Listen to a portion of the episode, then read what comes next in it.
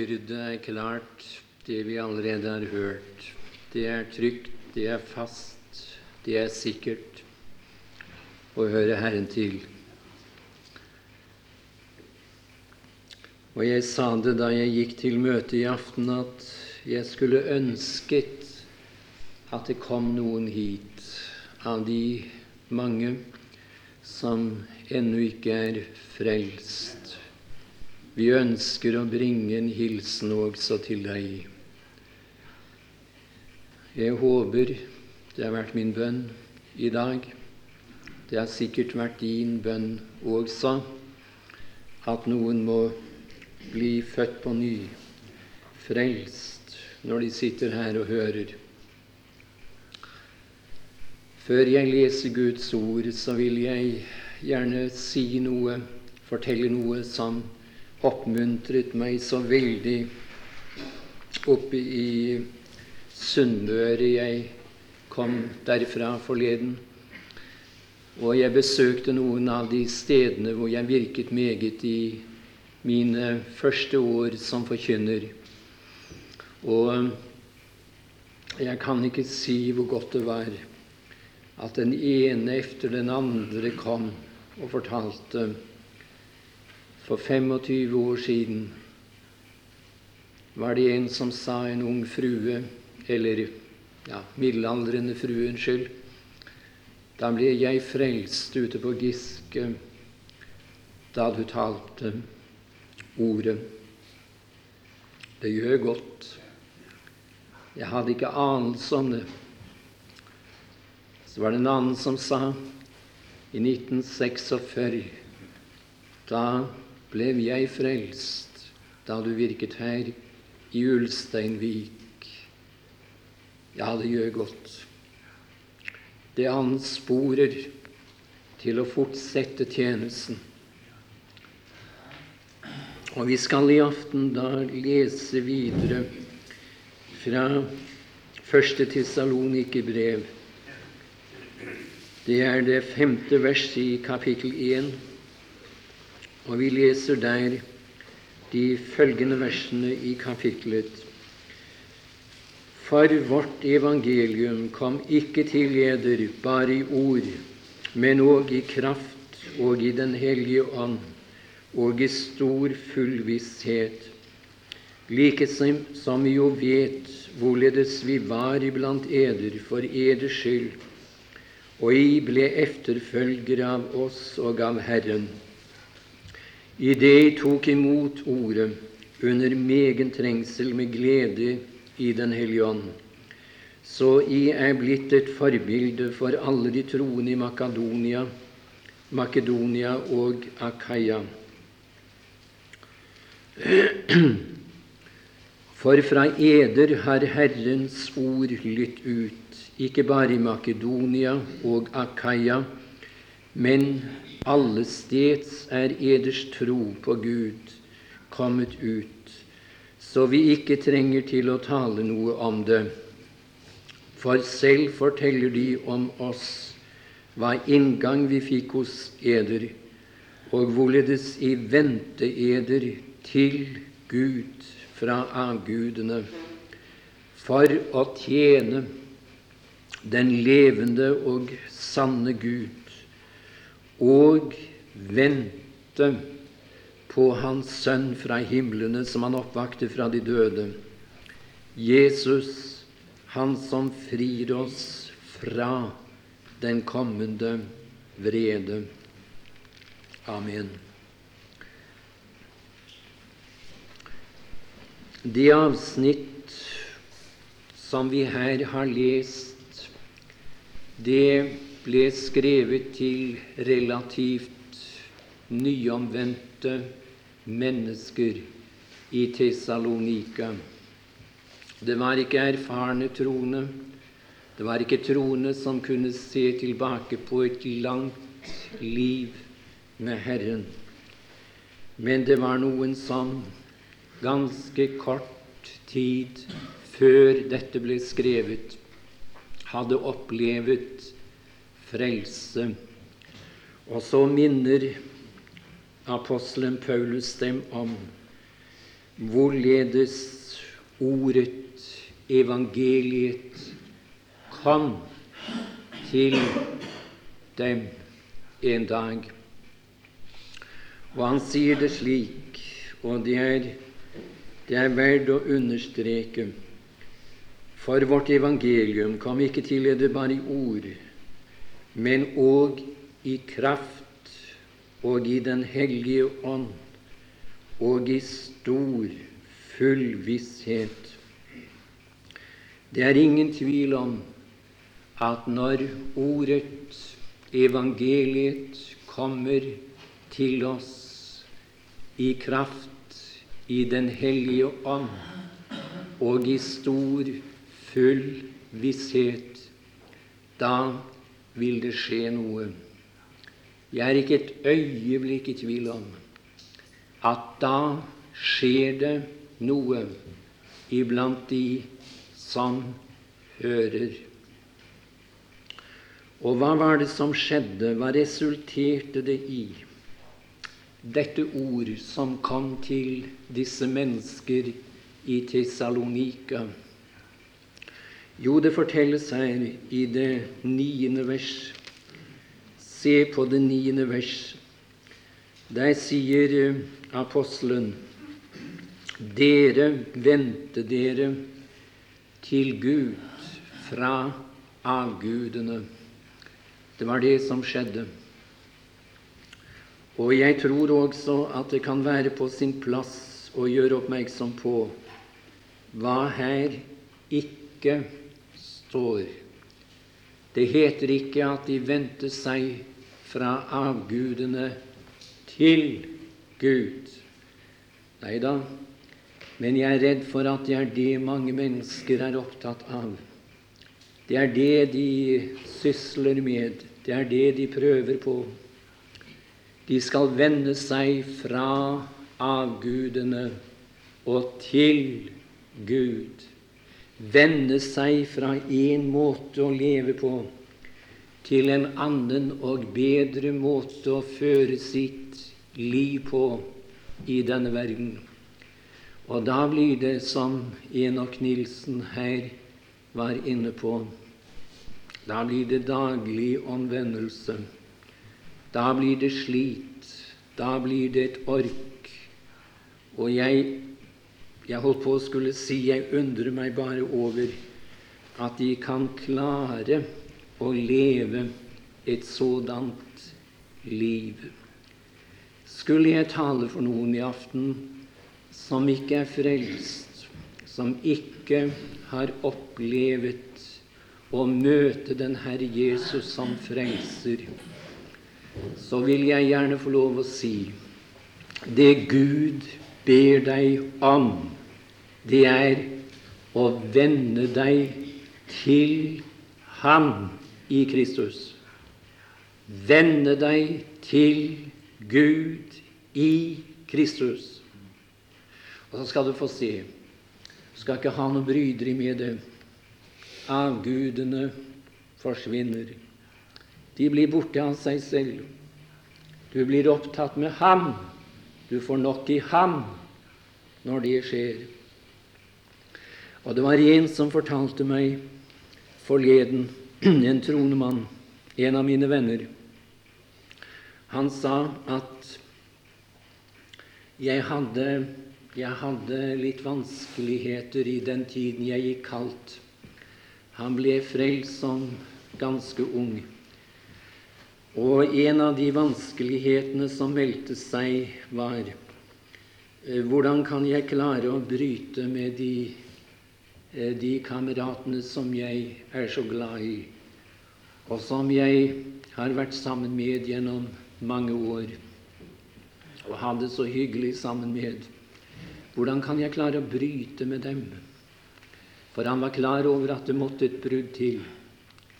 Men, sa han, det behøvde jeg egentlig ikke å ha noe bryderi med.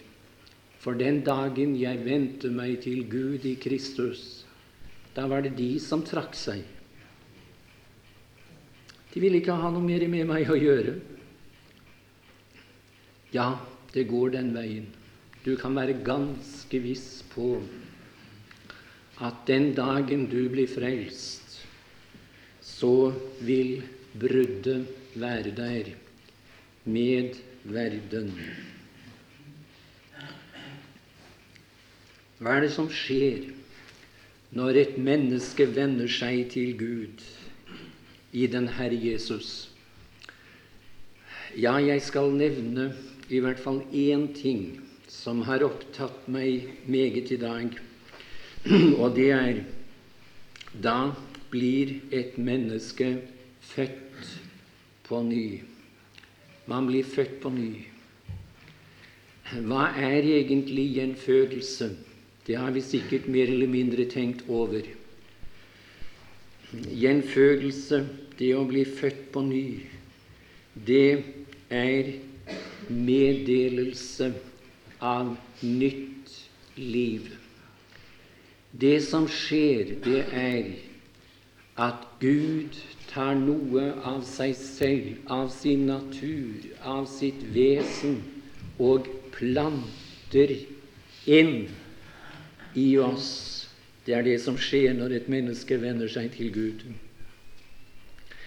Når et menneske opplever frelse. Og vi skal se litt på hvordan dette foregår. Bibelen forteller oss en god del om det. Og Det første stedet jeg da i denne sammenheng vil lese, det er Jakobs brev i det, i det første kapittel. Jakobs brev, kapittel 1. Og vi leser der i det 18. vers. Efter sin vilje har Han født oss ved sannhetsord. Jeg vil gjerne lese det en gang til. Skal vi se litt nærmere på det. Efter sin vilje har Han født oss ved sannhetsord, for at vi skal være en førstegrøde av Hans skapninger.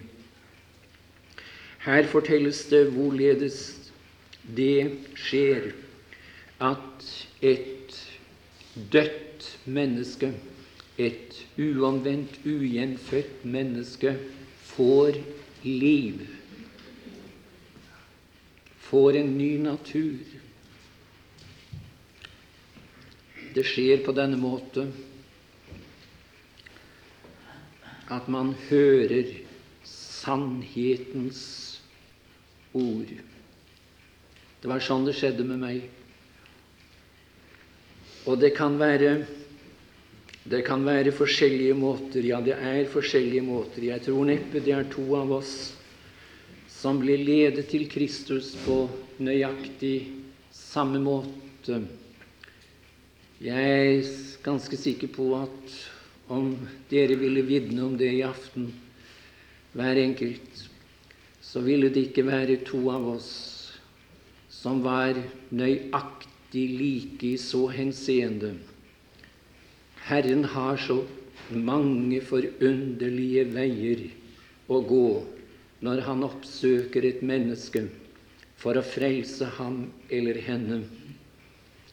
Men én ting er vi felles om, og det er dette. Det var noe vi hørte. Det var noe som ble forkynt oss. Det var noe vi leste i denne boken.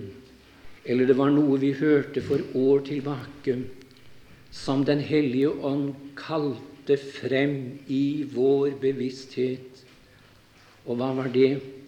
Det var sannhetens ord i evangeliet. Og da skjedde det noe. Da ble vi født på ny etter sin vilje.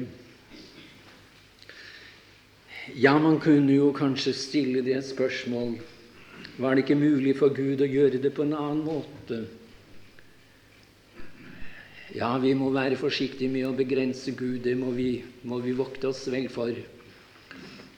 For Gud er suveren. Men jeg synes at jeg har funnet forklaringen i de første ordene her, som jeg nå gjentatte ganger har lest. Efter sin vilje Hør nå. Efter sin vilje har Han født oss. Det var altså Hans vilje at det skulle skje på denne måte. Når en synder skal frelses i denne verden, så skal det skje sånn. De skal høre sannhetens ord. Skal bli liv. Ja, jeg har nok fortalt det mange ganger, men det er jo slike ting som man aldri synes man kan tenke for ofte på. Og det er, det er, nok sånn at vi skal glemme meget, så langt jeg da forstår Ja, det er jeg sikker på. Vi skal glemme meget i, i evigheten. Men jeg har kunnet tenke meg at det er én ting jeg i hvert fall helt sikkert vil huske når jeg er hjemme. Det er den, den stunden jeg fikk liv. Da det sprang liv her inne.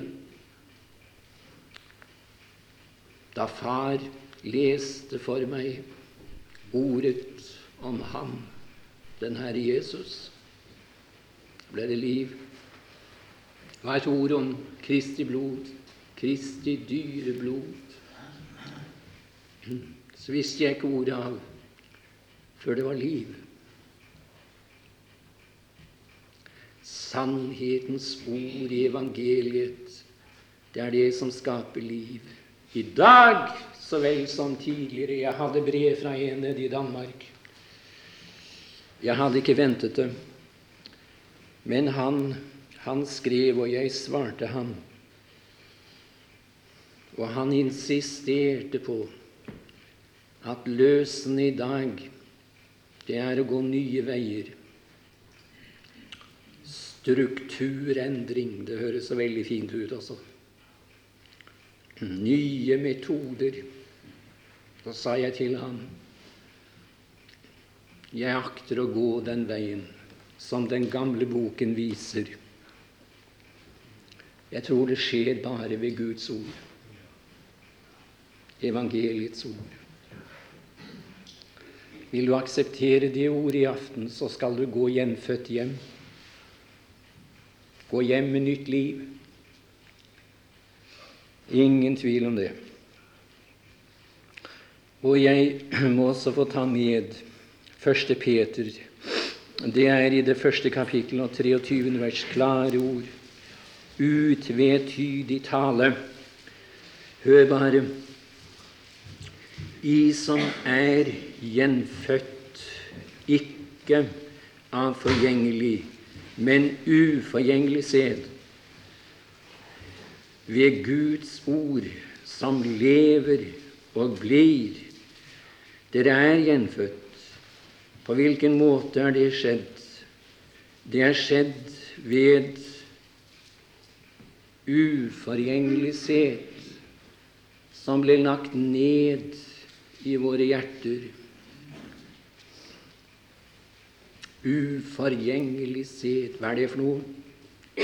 Ja, det står her, det er Guds ord. Guds ord som lever og blir. Ja, hvis det er uforgjengelig sæd, så må det frembringe uforgjengelig liv. Jeg sa det til mine venner her i ettermiddag som jeg besøkte. Jeg kan faktisk ikke Jeg er kommet mer og mer til det at jeg kan faktisk ikke preke Guds ord uten at det blir trygt. Det blir trygt. Det blir sikkert. Han har ordnet det slik at når han frelser et menneske, så bringer han ham inn i sikkerhet. Det er saken. Se litt på det uforgjengelig sæd ble lagt ned i våre hjerter, og det frembrakte naturligvis et liv av samme art som sæden. Ikke sant? Evig, uforgjengelig, et liv som aldri kan dø. Tenk, det har Han gitt meg.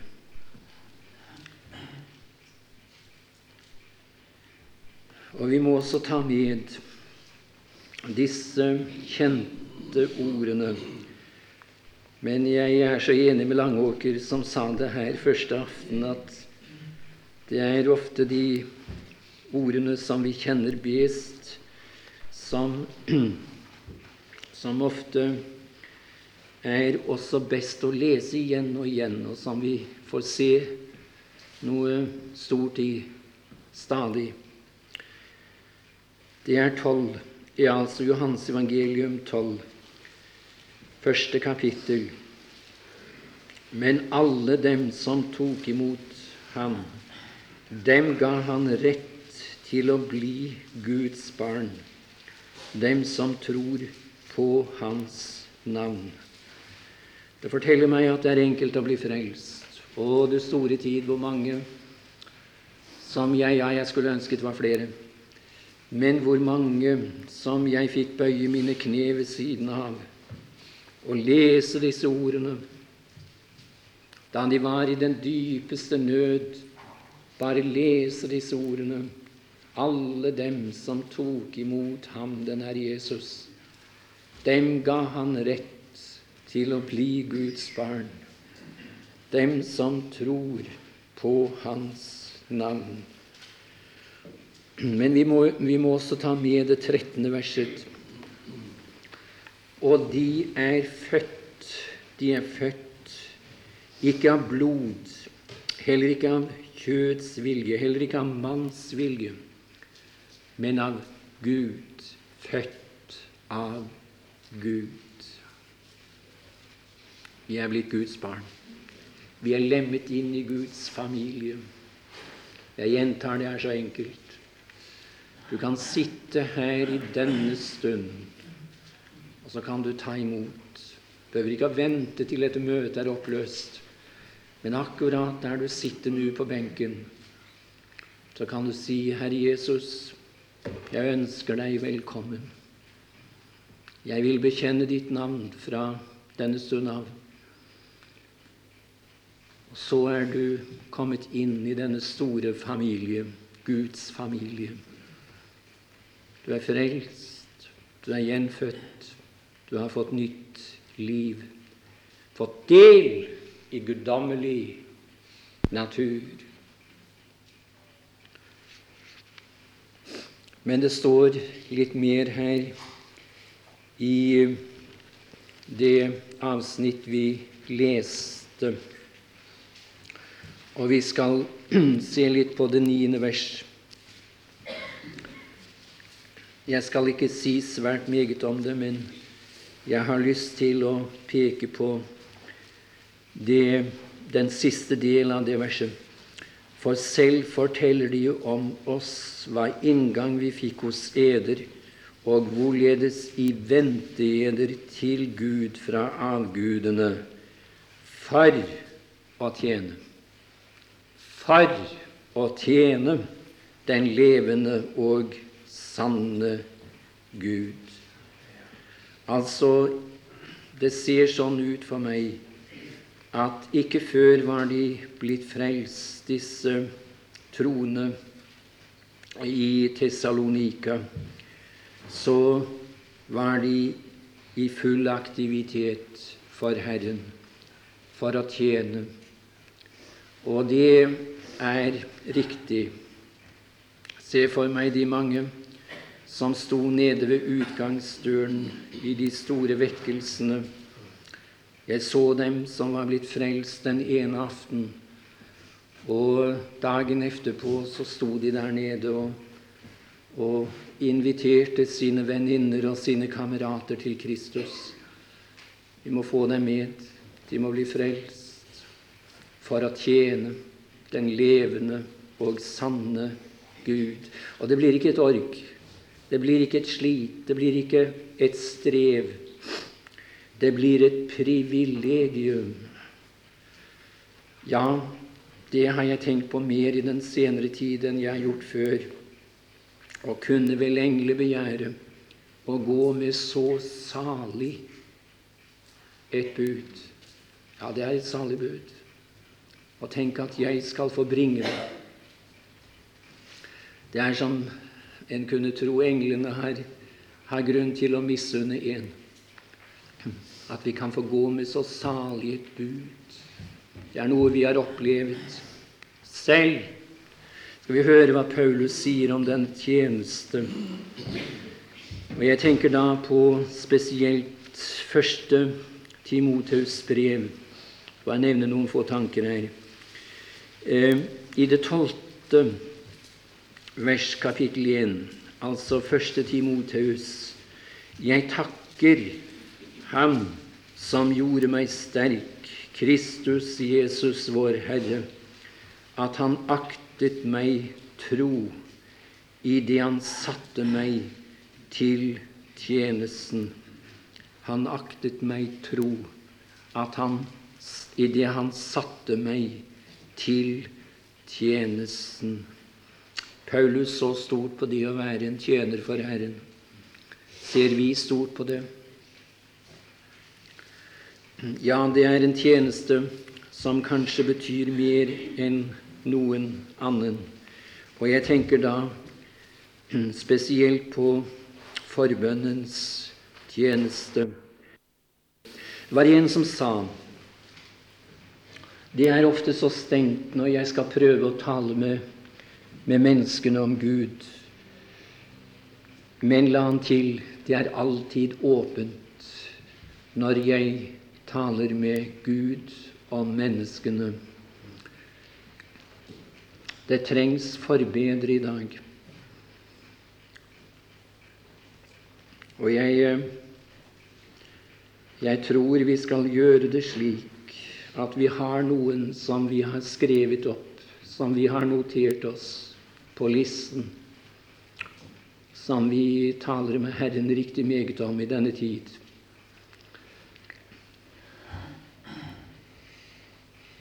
Jeg husker at min venn som nå er hjemme i herligheten, Asmussen i Danmark, han var en fin forkynner en elskelig broder i det hele tatt.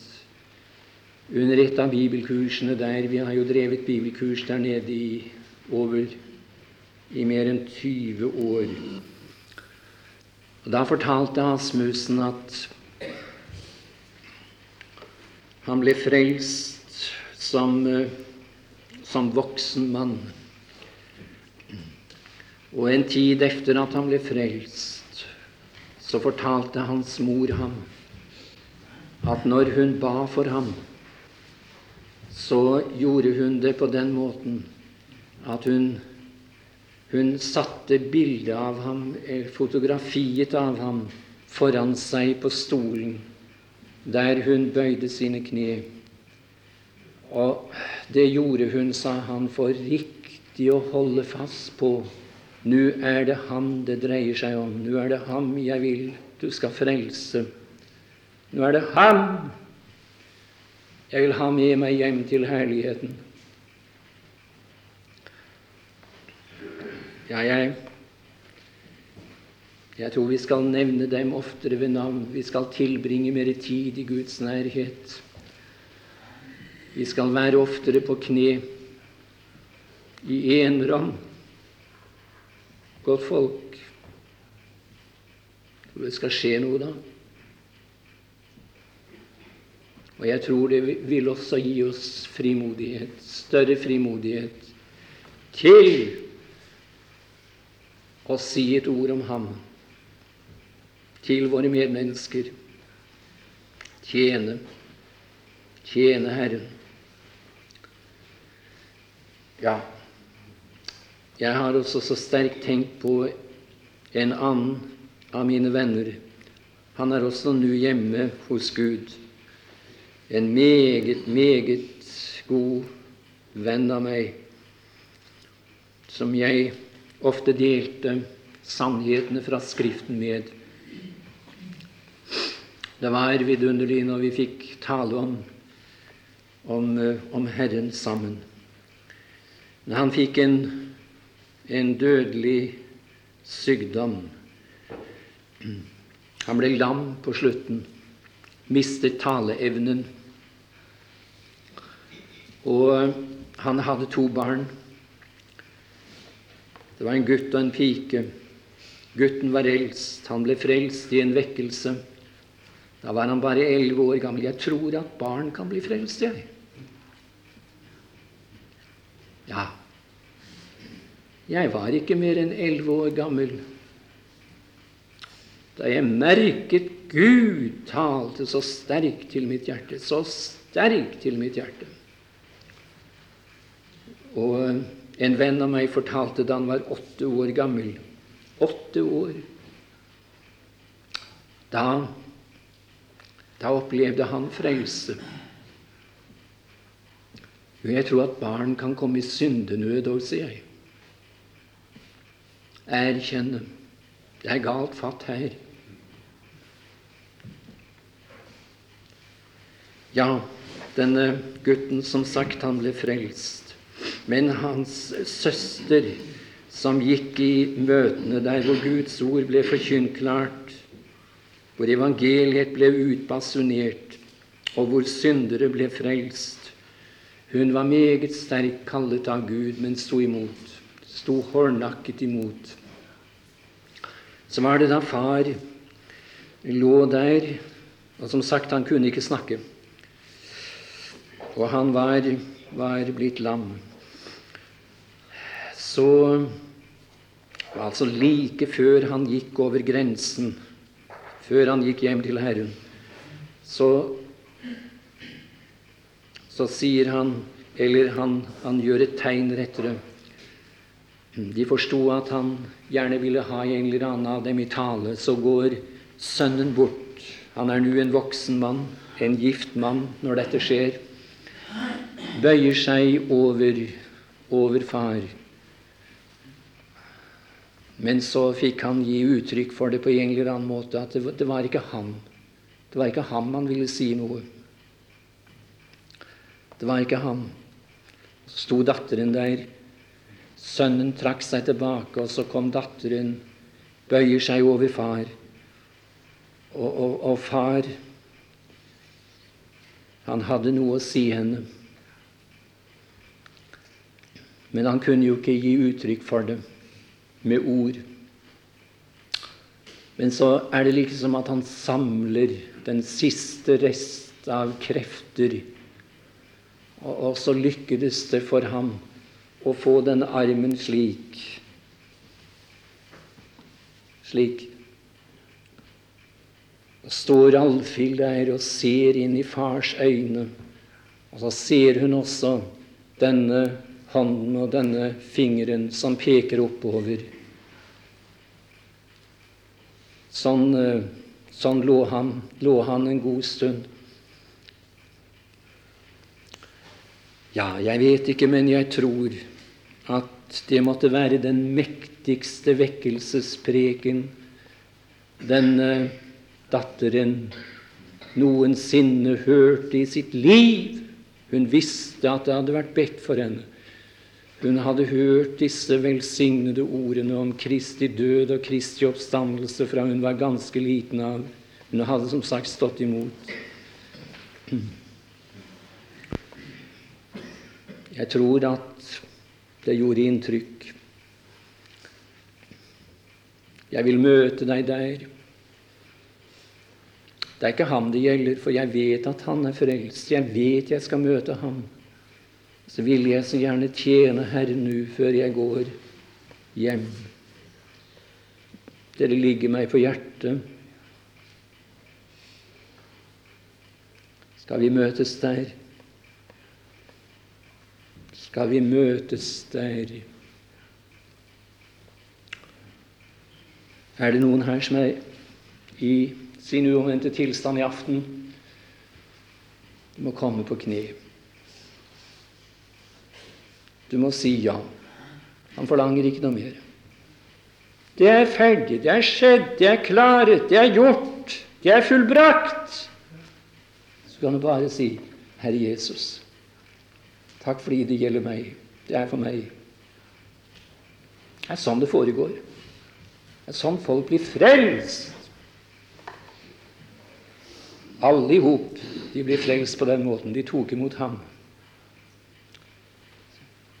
Vil vi så gjerne være med å tjene. Og det er ikke en troende her i aften som ikke ønsker å være med og bøye sine kne ved en synders side og lede ham til den Herre Jesus.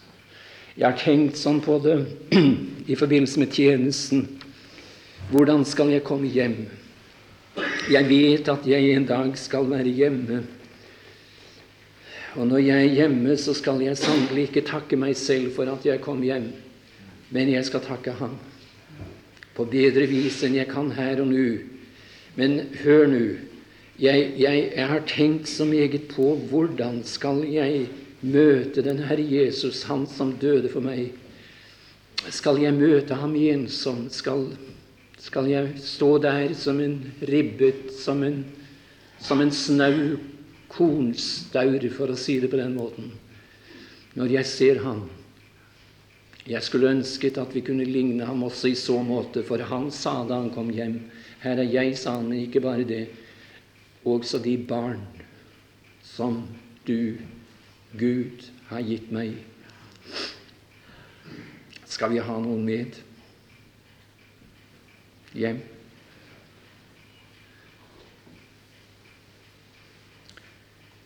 Og så er det da dette ordet. Bare lese det en gang til.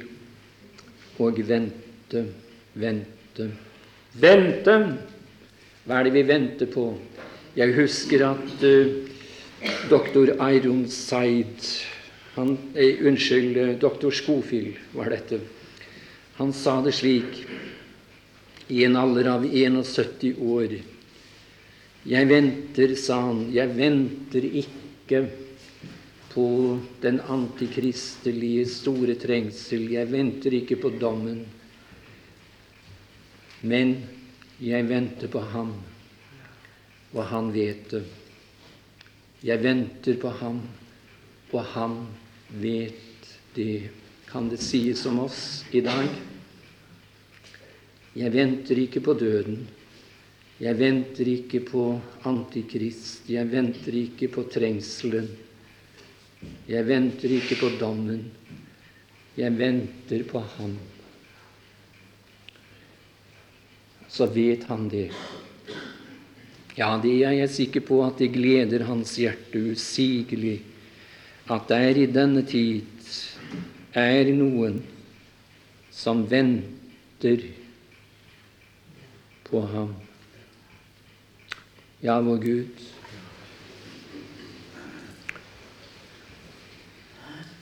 Våre hjerter strømmer over av takksigelse og tilbedelse når vi blir opptatt med den person som i evigheten fylte ditt hjerte og tilfredsstilte deg fullt ut. Vi takker deg, Herre, at du ble tilfredsstillet lenge før vi fant tilfredsstillelse i denne personen. Men det er den samme, det er nøyaktig samme person som har tilfredsstillet deg, som vi har funnet vårt behag i. Og derfor kjenner vi samfunn, inderlig, fortrolig samfunn. Herre, jeg ber deg, la dette enkle vitnesbyrd som jeg fikk komme med her, føre til at noen ble vunnet, så vi får se noen igjen når vi er hjemme, som tok imot ordet. Og jeg ber deg, velsign du hjemmene rundt om i Langåker i aften. Tal til sjelene, kall på dem. Vi legger da også denne aften videre i din hånd. Vi ber deg velsigne møtene i morgen hvis vi skal få oppleve morgendagen, den første dag i uken. Må den være helliget deg i ånd og sannhet. Amen.